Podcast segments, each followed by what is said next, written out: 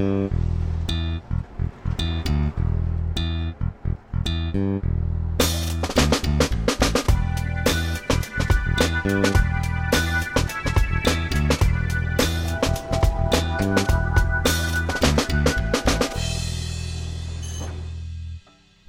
Temat wykluczenia transportowego to można powiedzieć pierwszy i najważniejszy wątek, jaki pojawił się w węźle przesiadkowym i jaki pojawia się w nim od początku istnienia podcastu. To też nie mogło zabraknąć w nim w końcu, nareszcie, e, odcinka na temat e, chyba największego albo w sumie jedynego od wielu lat projektu dotyczącego badania wykluczenia transportowego, a takie badanie w 2021 roku zleciło Narodowe Centrum Badań i Rozwoju. E, projekt w ramach tzw. Tak Gospostratega o nazwie Analiza skali wykluczenia komunikacyjnego na obszarze Polski wraz z rekomendacjami zmian legislacyjnych w kontekście publicznego transportu zbiorowego trwa już od prawie dwóch lat. E, bierze w nim udział Politechnika Poznańska, Politechnika Gdańska, Politechnika Śląska oraz Politechnika Warszawska, a wszystko ma się skończyć w przeciągu najbliższych dwóch lat. Dlaczego o tym mówię? Bo jest dzisiaj ze mną dr Marcin Kiciński właśnie z Politechniki Poznańskiej, który bierze udział w tym projekcie. Witam cię bardzo serdecznie. Witam serdecznie słuchaczy, witam ciebie. E, co możemy dziś po ponad e, no, półtora roku trwania już projektu, co możemy o nim powiedzieć w kiedy czytamy o tym, co jest celem projektu, jest zgromadzenie niezbędnej wiedzy o funkcjonowaniu publicznego transportu zbiorowego, opracowanie definicji wykluczenia komunikacyjnego, opracowanie i zastosowanie narzędzia do, występowania, do oceny występowania tego zjawiska, a do planowanych efektów należą rekomendacje w zakresie przeciwdziałania wykluczeniu komunikacyjnego, w tym w zakresie legislacji. To może zacznijmy od początku. Co to jest to wykluczenie transportowe i czy udało się już ustalić, czym jest po, po ponad roku prac? No, czy to było tematyka, czy temat wykluczenia komunikacyjnego, czy wykluczenia transportowego, e, to było, można powiedzieć, na etapie wstępnym e, w ramach tego konsorcjum ustalane, co jest rozumiane jako właśnie wykluczenie komunikacyjne, co jest rozumiane jako wykluczenie transportowe, bo te dwa pojęcia E, bardzo często są ze sobą, można powiedzieć, e, e, traktuje się jednoznacznie, co nie do końca jest tutaj, można powiedzieć, w ocenie realizatorów, realizatorów projektu jest jednakowe, więc na pewno ten, ten element został jakby w pierwszej kolejności mm, zdefiniowany, z, z, też powiedzmy e, oceniony, jak to jest też i, i e, definiowane w innych krajach, e, na jakie elementy się zwraca uwagę w kontekście właśnie tego zjawiska wykluczenia komunikacyjnego i potem też analogicznie wykluczenia transportowego.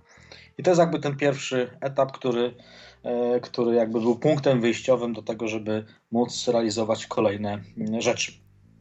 Okej, okay, ale już mamy definicję, to może gdybyś spróbował przybliżyć, jaka definicja w ramach tego projektu jest, żebyśmy wiedzieli, o czym dalej będziemy rozmawiać. Jak można, powiedzmy, w, no może nie w jednym, ale w dwóch, trzech zdaniach, gdybyśmy mieli powiedzieć, czym jest wykluczenie, które mamy zdefiniować i, e, i zbadać. Znaczy tych elementów wykluczenia komunikacyjnego, e, wykluczenia komunikacyjnego jest e, wiele, bo przede wszystkim jest to dostęp do, do transportu publicznego, ten minimalny, można powiedzieć, poziom, ale definiowany tutaj, czy, czy określany różnymi parametrami.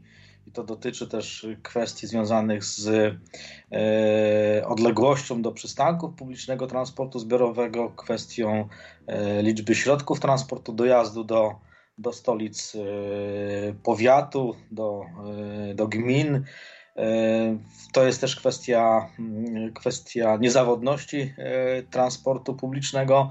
Przy czym, tak jak tutaj jest zawsze podkreślane, to jest ten poziom minimalny, który powinien zostać zapewniony. I w ramach tego, w ramach właśnie tego mm, wykluczenia komunikacyjnego, zbierane są właśnie dane z całej, mm, z całej Polski.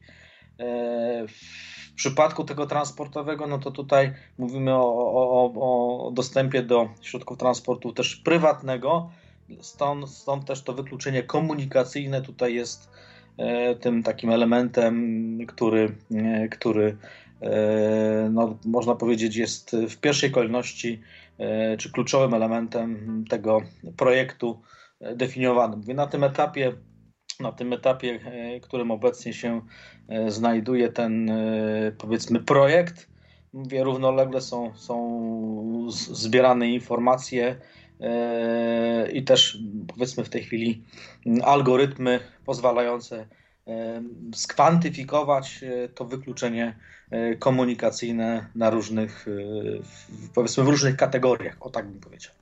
To może przejdźmy do konkretów metodycznych tego, jak wygląda projekt, jak wygląda zbieranie danych i jak będą dalej one przetwarzane. Nakreśliłeś to, jak wygląda definicja mniej więcej wykluczenia komunikacyjnego, czyli jakby dostępności środków tak naprawdę transportu publicznego indywidualnego E, no, ale jakby to z definicji, której ja znam z literatury między innymi e, anglojęzycznej, ono skupia się na tym, że mówimy o wykluczeniu, które pojawia się społecznym, które pojawia się wtedy, kiedy właśnie z jakiegoś powodu dostępu do tych środków transportu, czy to publicznego, czy indywidualnego, nie mamy. Czyli nie możemy właśnie skorzystać z edukacji, nie możemy skorzystać z dobrodziejstw rynku pracy, kultury i tak dalej to w jaki sposób tak metodycznie ustalić, kto już jest wykluczony transportowo czy komunikacyjnie, kto jest zagrożony, a kto nie jest?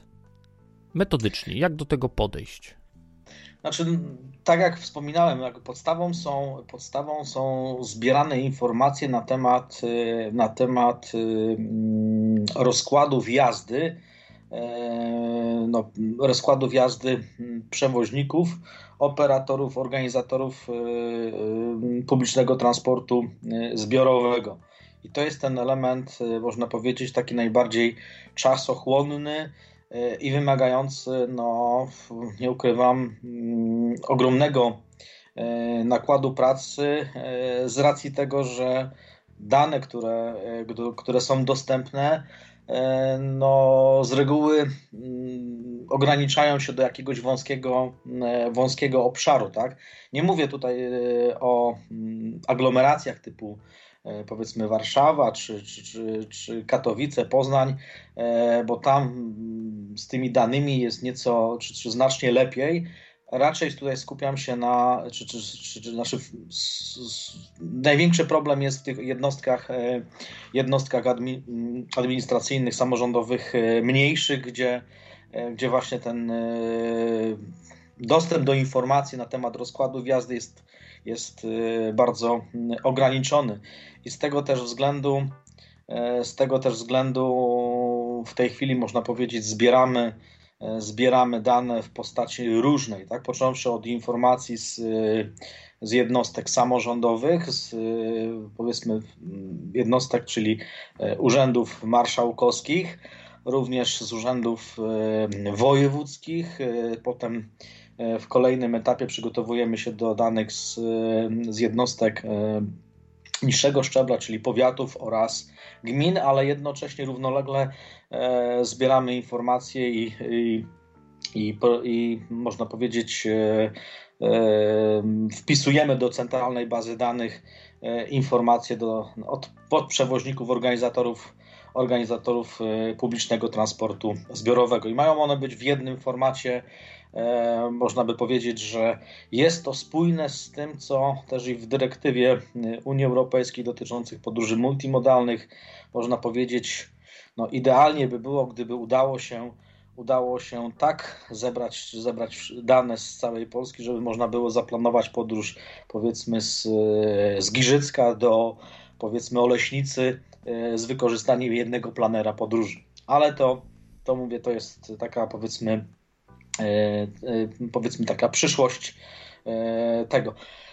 Tego i można powiedzieć element kluczowy, który, który jakby dążą do tego cztery jednostki, mówię tak, Politechnika Poznańska, Politechnika Warszawska, tutaj mówię Warszawska, Politechnika Śląska i Politechnika Gdańska.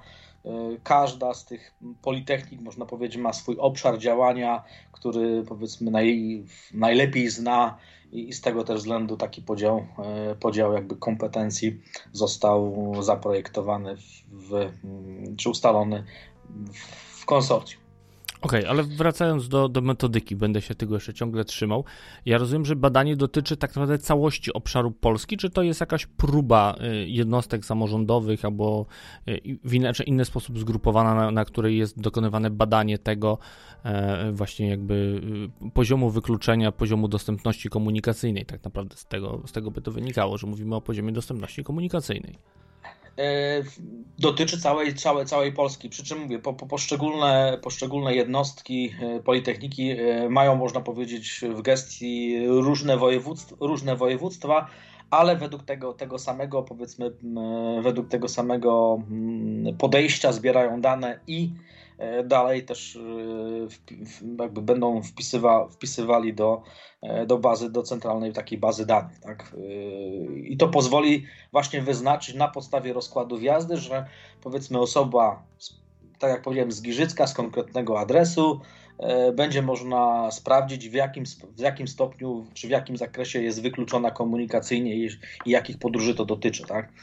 powiedzmy, czy to będzie do, do powiatu, do siedziby powiatu, czy też do, e, do stolicy gminy. No i to jest, to jest, to... to jest, bardzo ciekawy wątek. Ja, ja pociągnę właśnie. Czy w ramach badania jest też przeprowadzane tego, jakie te podróże są najbardziej pożądane, albo jakich podróży, których nie można wykonać, jakich jest najbardziej brak mieszkańcom E, najróżniejszych miejsc. No, tutaj... Właśnie i to też właśnie jakich miejsc, tak? Czy mówimy o, e, o wsi gminnej, czy mówimy o wsi sołeckiej gdzieś e, z dala od urzędu gminy? Właśnie, jak to, jak to wygląda tutaj? Jakbyśmy próbowali znaleźć ten wzór na wykluczenie transportowe, to gdzie jest największy problem, z jakich podróży mieszkańcy Polski byliby najbardziej wykluczeni? Nie mówię jeszcze o wynikach, ale jakby o samej metodyce ustalenia tego.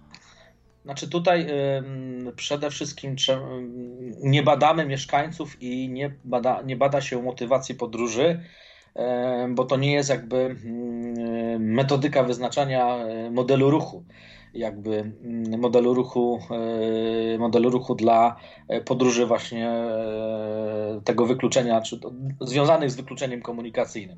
Niemniej wskazywane są, wskazywane są punkty, czy, czy analizujemy punkty, które potencjalnie e, potencjalnie dana osoba może podróżować, więc to są, to są e, podróże związane z pracą, a więc analizujemy analizujemy mm, e, odpowiednio szczyty komunikacyjne, czy e, te rozkłady jazdy, czy rozkłady jazdy w godzinach, powiedzmy, które są najczęściej jakby wskazywane jako godziny dojazdu do pracy, do szkoły, ale również związane z, z powiedzmy z, z przychodniami, czy tam ze szpitalami, czy z jednostkami administracji samorządowej czy rządowej.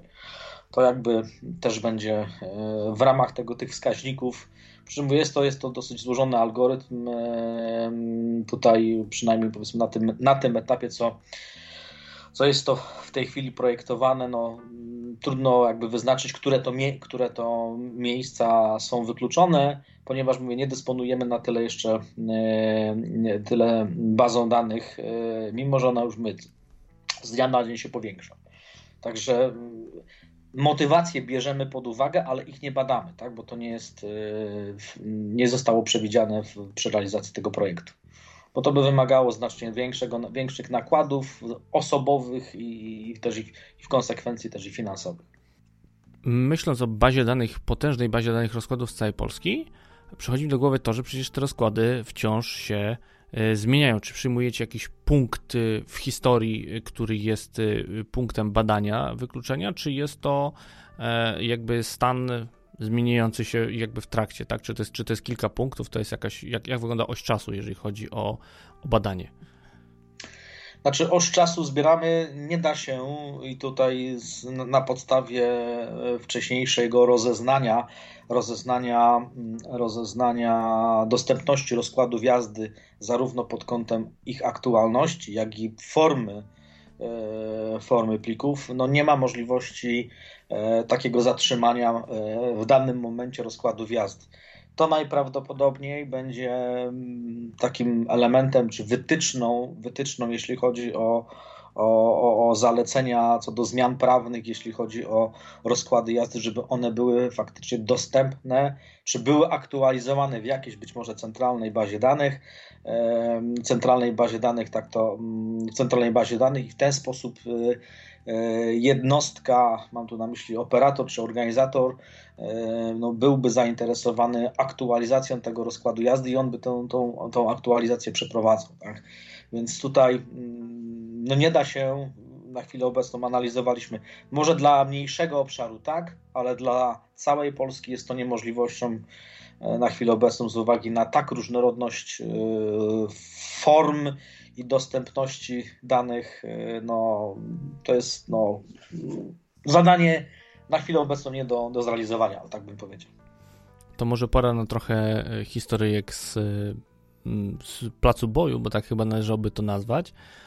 Co z Twojej perspektywy E, najciekawszego do tej pory widziałeś, jeżeli chodzi o rozkłady jazdy, sposób ich prezentacji, e, obowiązywanie i organizację w ogóle, tak? E, co, co Cię zaskoczyło najbardziej podczas, podczas tego projektu, podczas zbierania danych?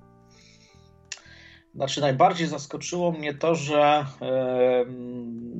w mniejszych jednostkach samorządowych, których jest najwięcej, mniejszych, nie ma takiego mm, podejścia, podejścia E, do rozkładów jazdy, mm, które byłoby, można powiedzieć, ukierunkowane czy skierowane dla osób spoza danej jednostki samorządowej. Innymi słowy, e, jak ja bym chciał jechać, powiedzmy, z, tutaj z Wielkopolski, pojechać na, powiedzmy, na Podkarpacie, to dla mnie, jest, dla mnie jest ogromnym wyzwaniem zapoznanie się z rozkładem jazdy jakiejś mniejszej jednostki samorządowej. Czy w ogóle organizuje transport zbiorowy, a jak tak, to w jakiej formie. I to znalezienie podróży, znalezienie e, przewoźnika i przewoźnika i przejazdu dokładnie godziny odjazdu.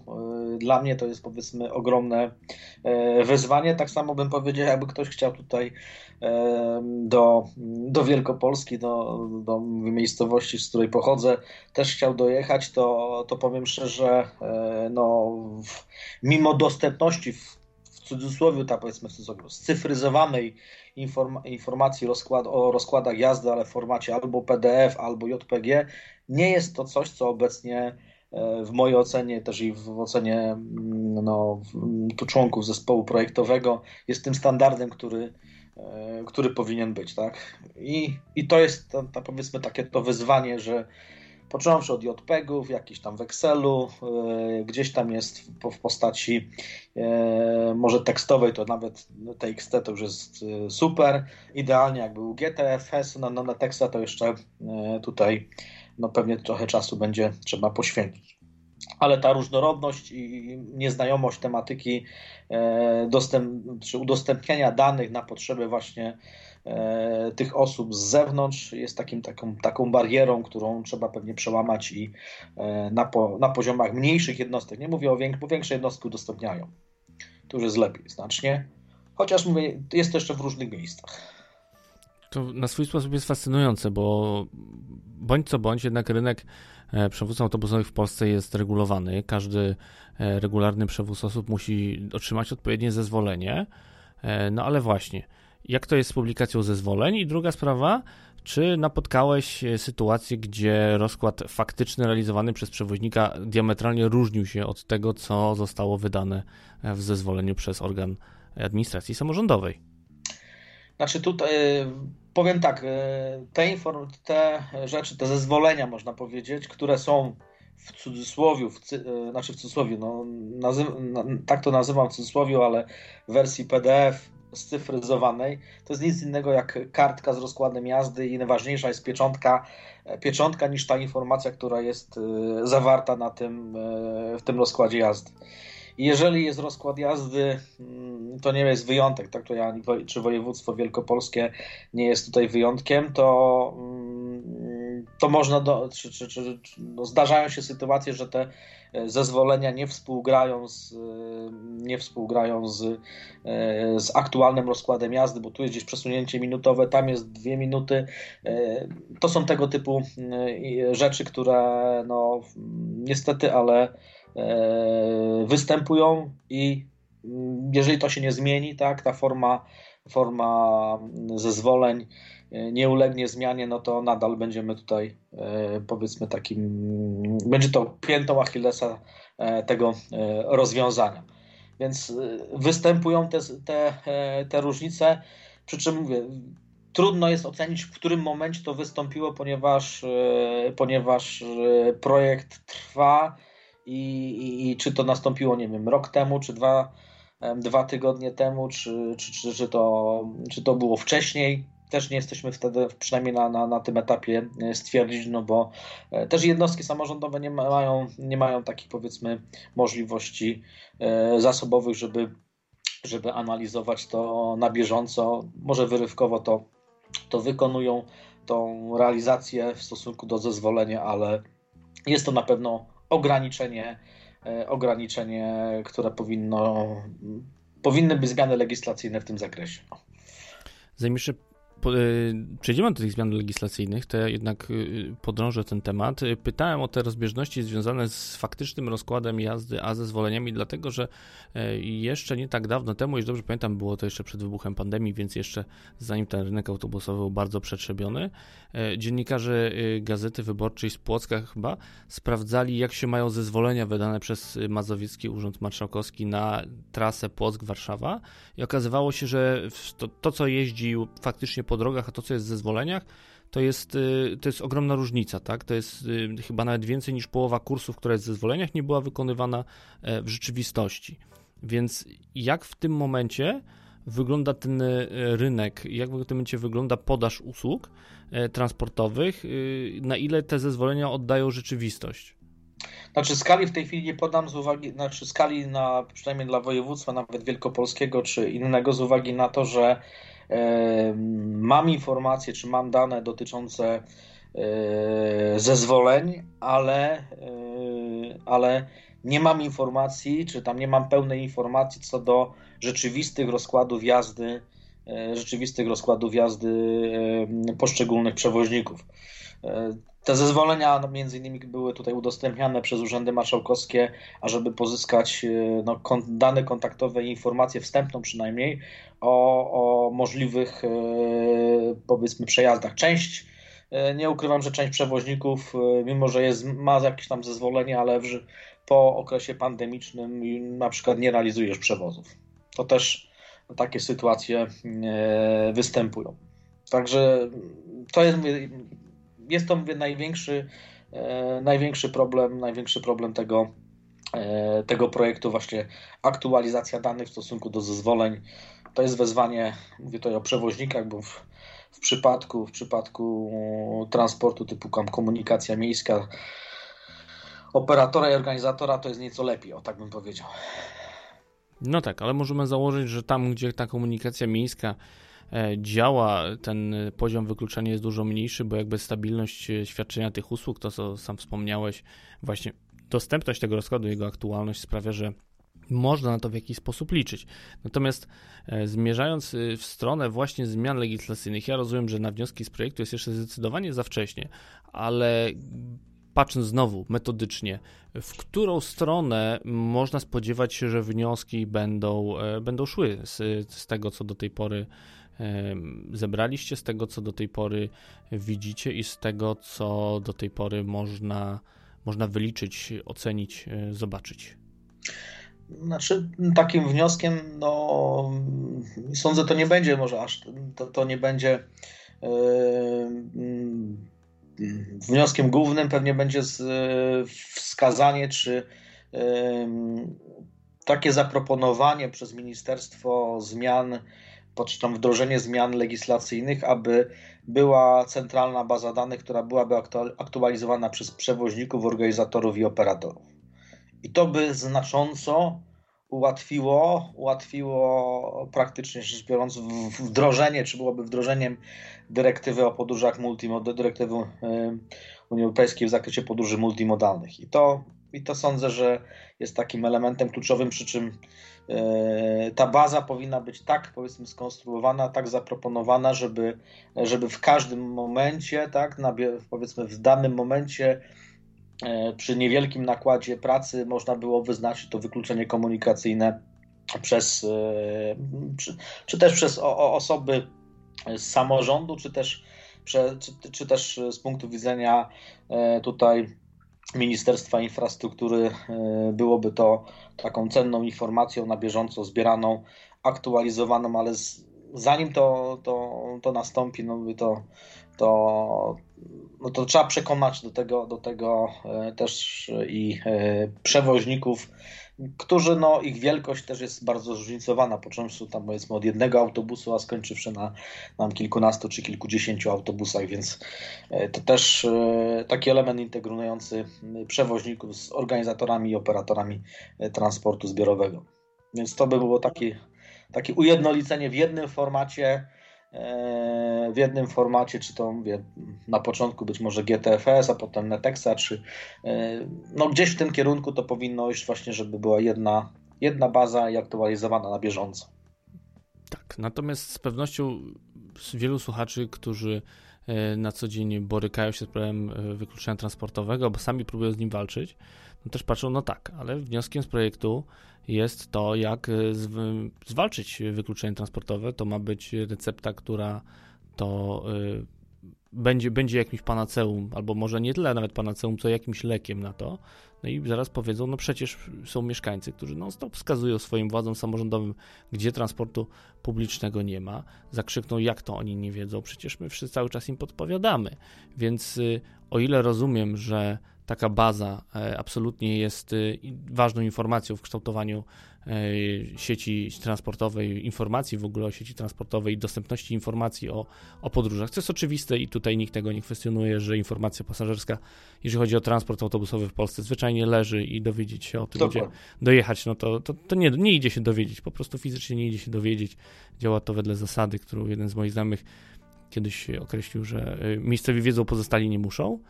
E, natomiast y, pytanie jest takie, jak ten problem rozwiązać, bo e, zakładając, że wszyscy będą wspaniale informować o rozkładach jazdy, no dobrze, tylko co z tego, tak dość, dość nieprzyjemnie zapytam, co z tego, jeżeli będziemy mieli informację o tym, że autobusów nie ma i nie będzie, cytując tytuł znanej książki. Znaczy, no żeby mm, żeby mm, wykluczenie czy wykluczenie zminimalizować, tak, zminimalizować, no to pierwsza podstawowa, e, pierwsza podstawowa to jest e, jego skwantyfikowane czy, czy wyznaczenie zjawiska skali danego wykluczenia, e, wykluczenia komunikacyjne w danym obszarze. Jeżeli będzie, mm, jeżeli to będzie spójna, czy ma być spójna metodyka, metodyka wyznaczania tego wykluczenia komunikacyjnego na obszarze całej Polski, to wówczas, e, wówczas w sposób obiektywny, porównując powiedzmy dwa regiony, e, dwa miejsca, będzie można wskazać, co powinno się zmienić, aby, aby, aby to wykluczenie zostało zminimalizowane.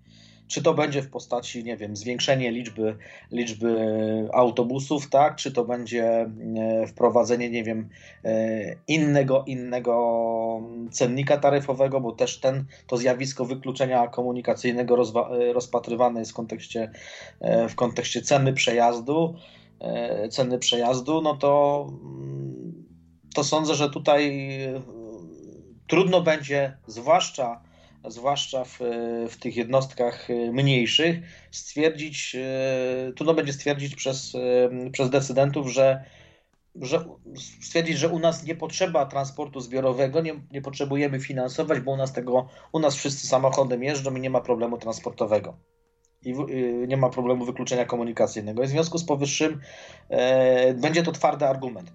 Druga inna kwestia to jest to, że były też były narzędzia, e, narzędzia, które pozwalają to zjawisko, to zjawisko yy, powiedzmy zmniejszyć, ograniczyć. Na przykład, nie wiem, dofinansowanie, tak jak to tam fundusz przewozu autobusowych, czy, ale w taki sposób, żeby, żeby to było faktycznie celowane w konkretne miejsce i do konkretnej grupy, grupy właśnie osób wykluczonych komunikacyjnie. No ten ostatni wniosek wydaje się być naj, najciekawszy z tego wszystkiego, bo jakby patrząc na to, gdzie idą pieniądze z Funduszu Rozwoju Przewozów Autobusowych, no ostatnio nie sposób e, oprzeć się wrażeniu, że tak naprawdę te pieniądze biorą te, ci, których, których naprawdę na to stać, żeby samemu sfinansować e, przewozy, bo coraz więcej mamy sytuacji, gdzie, gdzie na przykład gmina miejska dogaduje się z gminą, z gminą wiejską, e, żeby po prostu to ta druga finansowała ten transport, tak żeby można było otrzymać dofinansowanie. Więc jest to chyba najciekawszy z możliwych wniosków, żeby wycelować te e, potrzeby, te pieniądze e, tam, tam gdzie są najbardziej potrzebne. No też tych środków na pewno, e, znaczy no wiadomo, że mm, czy, czy, ograniczony jest budżet. Każdego, zresztą każdy z nas ma ograniczony budżet, czy to będzie na poziomie jednostki typu gmina, czy powiat, czy województwo, czy, czy budżet państwa.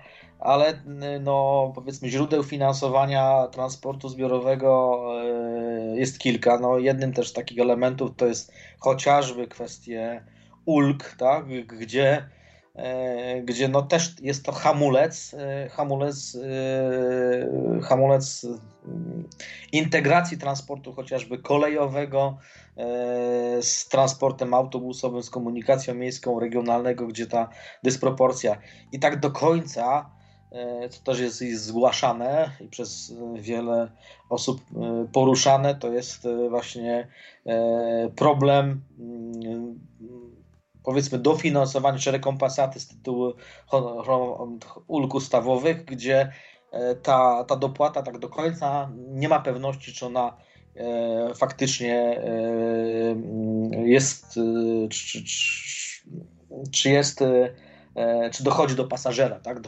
Takie podejrzenia są. No, kon kontrolują jednostki samorządowe, ale, ale też i zgłaszają, że e, no, te poziomy dopłat są, są, są spore i tak do końca no, nie odzwierciedlają, czy, czy, czy jest prawdopodobieństwo, że, e, że nie do końca do tego pasażera dochodzi ta, ta dopłata za bilet finalnie ulgowy to też jest takim elementem, który, który się ostatnio też i pojawił w kontekście właśnie skali dofinansowania. Też będę analizował akurat tą część pewnie w najbliższym czasie, yy, porównywał województwa, jak to, jak to jest w stosunku do jakie podmioty, jaka, ta, jaka skala przewozów, yy, pracy przewozowej i skala dopłat do biletów właśnie ulgowych, których jest sporo zwłaszcza w tych przewozach takich powiedzmy mniej, e, powiatowych, o tak bym powiedział, powiatowych, gdzie nie mamy komunikacji miejskiej, raczej jest przewoźnik na podstawie zezwolenia, e, zezwolenia realizuje to, a nie jako operator. Pewnością tym tematem, który niekoniecznie jest nowy, myślę, że przewija się od bardzo dawna, ale też i całością e, badania będą zainteresowani E, nie tylko ci, którzy zajmują się transportem publicznym, myślę, że w ogóle e, ta grupa zainteresowanych tematem będzie dużo szersza, więc tu musi paść finalne pytanie, kiedy i jak będziemy mogli zapoznać się z wnioskami z raportu, z całym raportem, z tym zbiorem danych, tym jak, jak został przygotowany, kiedy można się spodziewać prezentacji efektów Waszej pracy. E, tak jak powiedziałem, ten e, projekt jest od, jest od już dłuższego czasu, e, dłuższego czasu jest realizowany i jego mm, okres w sumie, czy jego zakończenie planowane jest na rok 2025. Taki jest przedział czasowy. Przedział czasowy. Mm, powiedzmy w tej chwili na etapie może obecnym Eee, powiedzmy szlifowane są algorytmy, czy, analizowane jeszcze algorytmy i próba ich eee, próba ich eee, powiedzmy wyznaczenia pewnych wartości na jakichś mniejszych próbkach próbkach danych. W międzyczasie zbierane są informacje E, więc sądzę, że rok 2025 to taka jest najbliżej, powiedzmy naj, e, tak jak się projekt, e, projekt zakończy, czy czas, przewidywany okres realizacji, no tak należy się spodziewać wyników. Być może też będą, będą też informacje pojawiały się na, na stronie internetowej, będą aktualizowane w ramach pojawiania się powiedzmy czy zbierania danych, czy propozycji ale sądzę, że my tutaj na, na tym etapie trudno mi w tej chwili powiedzieć jakby takich szczegółów, jaki to jest konkretny dzień, w którym dniu coś się pojawi i jaka będzie informacja, więc ale no zakładam, zakładam, że, że tego, że te dane się pojawią. Zresztą też na najbliższych, powiedzmy na konferencjach, też i ostatnio we Wrocławiu była konferencja dotycząca, gdzie akurat kolega e, odpowiedzialny za, za część tutaj poznańską, Politechniką, koordynujący działania na Politechnice e, Poznańskiej prezentował właśnie między innymi pozyskiwanie danych, danych z różnych źródeł E, ogólnodostępnych e, dotyczących właśnie dotyczących rozkładów jazdy na terenie Polski właśnie to był jeden z takich elementów. Za chwilę też i e, rzeczy z kolegą też będę prezentował na, na komisji jednej, na jednej z komisji Izby Komunikacji Miejskiej, GKM-u, więc powoli, powoli, ale te informacje będą jakby przekazywane, przekazywane do, do organizatorów, operatorów i, i na zewnątrz również yy, tutaj mm, powiedzmy tak, żeby mm, można powiedzieć dotarły one do, do odpowiednich osób i też finalnie do decydentów czy też organizatorów transportu zbiorowego. Myślę, że ja i wiele innych osób na to yy, bardzo czeka i już nie możemy się doczekać tego co tak naprawdę znaczy termin wykluczenia transportowego i jaka jest jego faktyczna skala, tak żeby wszelkie liczby, które do tej pory pojawiają się w przestrzeni publicznej, zostały w końcu, e, że tak powiem, zbite przez twarde, niepodważalne dane. Bardzo Ci dziękuję za rozmowę. Dr Marcin Kiciński z Politechniki Poznańskiej był moim gościem dzisiaj. Dziękuję za zaproszenie i, e, i mam nadzieję, że będzie okazja E, przekazać więcej informacji w miarę jakby upływu czasu i realizacji projektu. Dziękuję Państwu.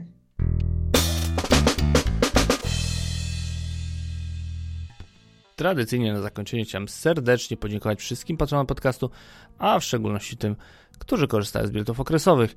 Są to Paweł Szczur, Tomasz Tarasiuk, Andrzej Kaszpir Kaźmierowski, Monika Stankiewicz, Petr Jancowicz, e, Michał Cichosz, Łukasz Filipczak, Jacek Szczepaniak, Jurek Gozdek, Piotr Chwalski, Grzegorz Omankenik, Jakub Burdziński, Paulina Matysiak, MP, Jakub Kundzik, Rafał Pierzcha, Piotr Gramacki, Hubert Peliński, Piotr Krasiński, Adam Zając, KMZ, Jacek Piotr Cegiełka, Mariusz Herhold, Daniel Kar, Paweł Jaworski, Marcin Moskal, Magdalena Jachemczyk, Piotr Kamiński, Patryk N., Jakub Klimkiewicz, Maciej Iwanowski, Jakub Nowotarski. Serdecznie jeszcze raz dziękuję i zapraszam do dołączenia do tego grona na patronite.pl przesiadkowy. Na dziś to już wszystko. Do usłyszenia.